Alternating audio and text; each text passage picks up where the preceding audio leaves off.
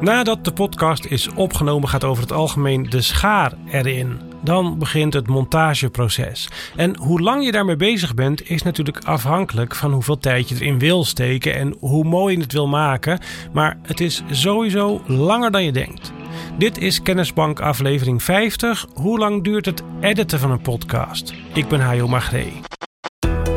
Dit is Tussen de Oren, de podcast over podcasting van NAP1. Wij maken audiocontent. Ik zei dat in aflevering 37 al, geloof ik, dat er niet veel podcasts zijn waar niet in gemonteerd wordt. Als je de schaar zet in de delen die niet boeiend zijn, dan bewijs je al je luisteraars een grote dienst in alle tijd die ze niet verspild hebben met het luisteren naar onzin, zou je kunnen zeggen, naar geleuter. Maar hoe lang doe je daar dan over? Nou, zoals met zoveel van dit soort podcastvragen is ook daar weer geen eensluidend antwoord op te geven, want het hangt van allerlei factoren af. Bijvoorbeeld, wat voor soort podcast ben je aan het maken? Zat er een ervaren iemand op de redactie van de aflevering? Hoe ervaren was de interviewer? Hoe ervaren is de editor? Hoe goed konden de sprekers eigenlijk leveren wat er van ze gevraagd werd? Wil je muziek toevoegen? Wil je werken met achtergrondgeluid? Ga je bezig met masteren of laat je dat erbij zitten? En hoeveel correctierondes zijn er? Wanneer is de opdrachtgever tevreden? Dat zijn allemaal dingen die een rol spelen bij hoeveel tijd je in de montage kwijt bent. Ik zal proberen al die factoren even kort aan te stippen. Wat voor soort podcast ben je aan het maken? Kijk, er zijn talkshows, daar maak je binnen 30 minuten aan tafel een hartstikke sprankelend gesprek en daar hoef je misschien relatief weinig meer aan te doen. Maar dan gaan we er wel vanuit dat dat gesprek goed is voorbereid, dat de redactie naar behoren zijn werk heeft gedaan, dat de interviewer goed voorbereid is door de reactie en dus de juiste vragen stelt, dat de interviewer tempo kan maken, dat je al weet wie ongeveer wat gaat zeggen, hoe die mensen op elkaar reageren, hoe je dat allemaal boeiend kunt houden en dat je ook nog eens echt goede sprekers aan tafel hebt. Maar dat is de ideale wereld. Niet elke audioredacteur is even ervaren. Soms heb je sprekers aan tafel die gewoon nogal langdradig zijn. Soms heb je een host die niet goed weet hoe je tempo moet maken of hoe je iets boeiend moet houden. En dan ga je al snel meer opnemen dan je nodig hebt. En dan moet je in het montageproces nog inhoudelijke keuzes gaan maken. En dat kost tijd. Los nog van het feit dat sommige mensen gewoon heel veel versprekingen maken en heel vaak e zeggen. En veel podcastmakers knippen die versprekingen en die e's er ook uit.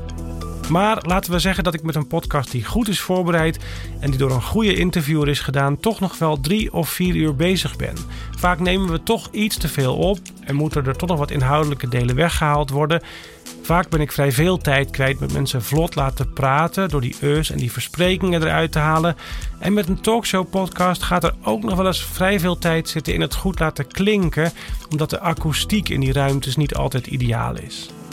En als de opdrachtgever dan ook nog met wat correcties komt, dan ben je zo weer een uur verder. Dus dan zit je zomaar aan drie tot vier uur voor een podcastaflevering, een talkshow-aflevering van ongeveer een half uur.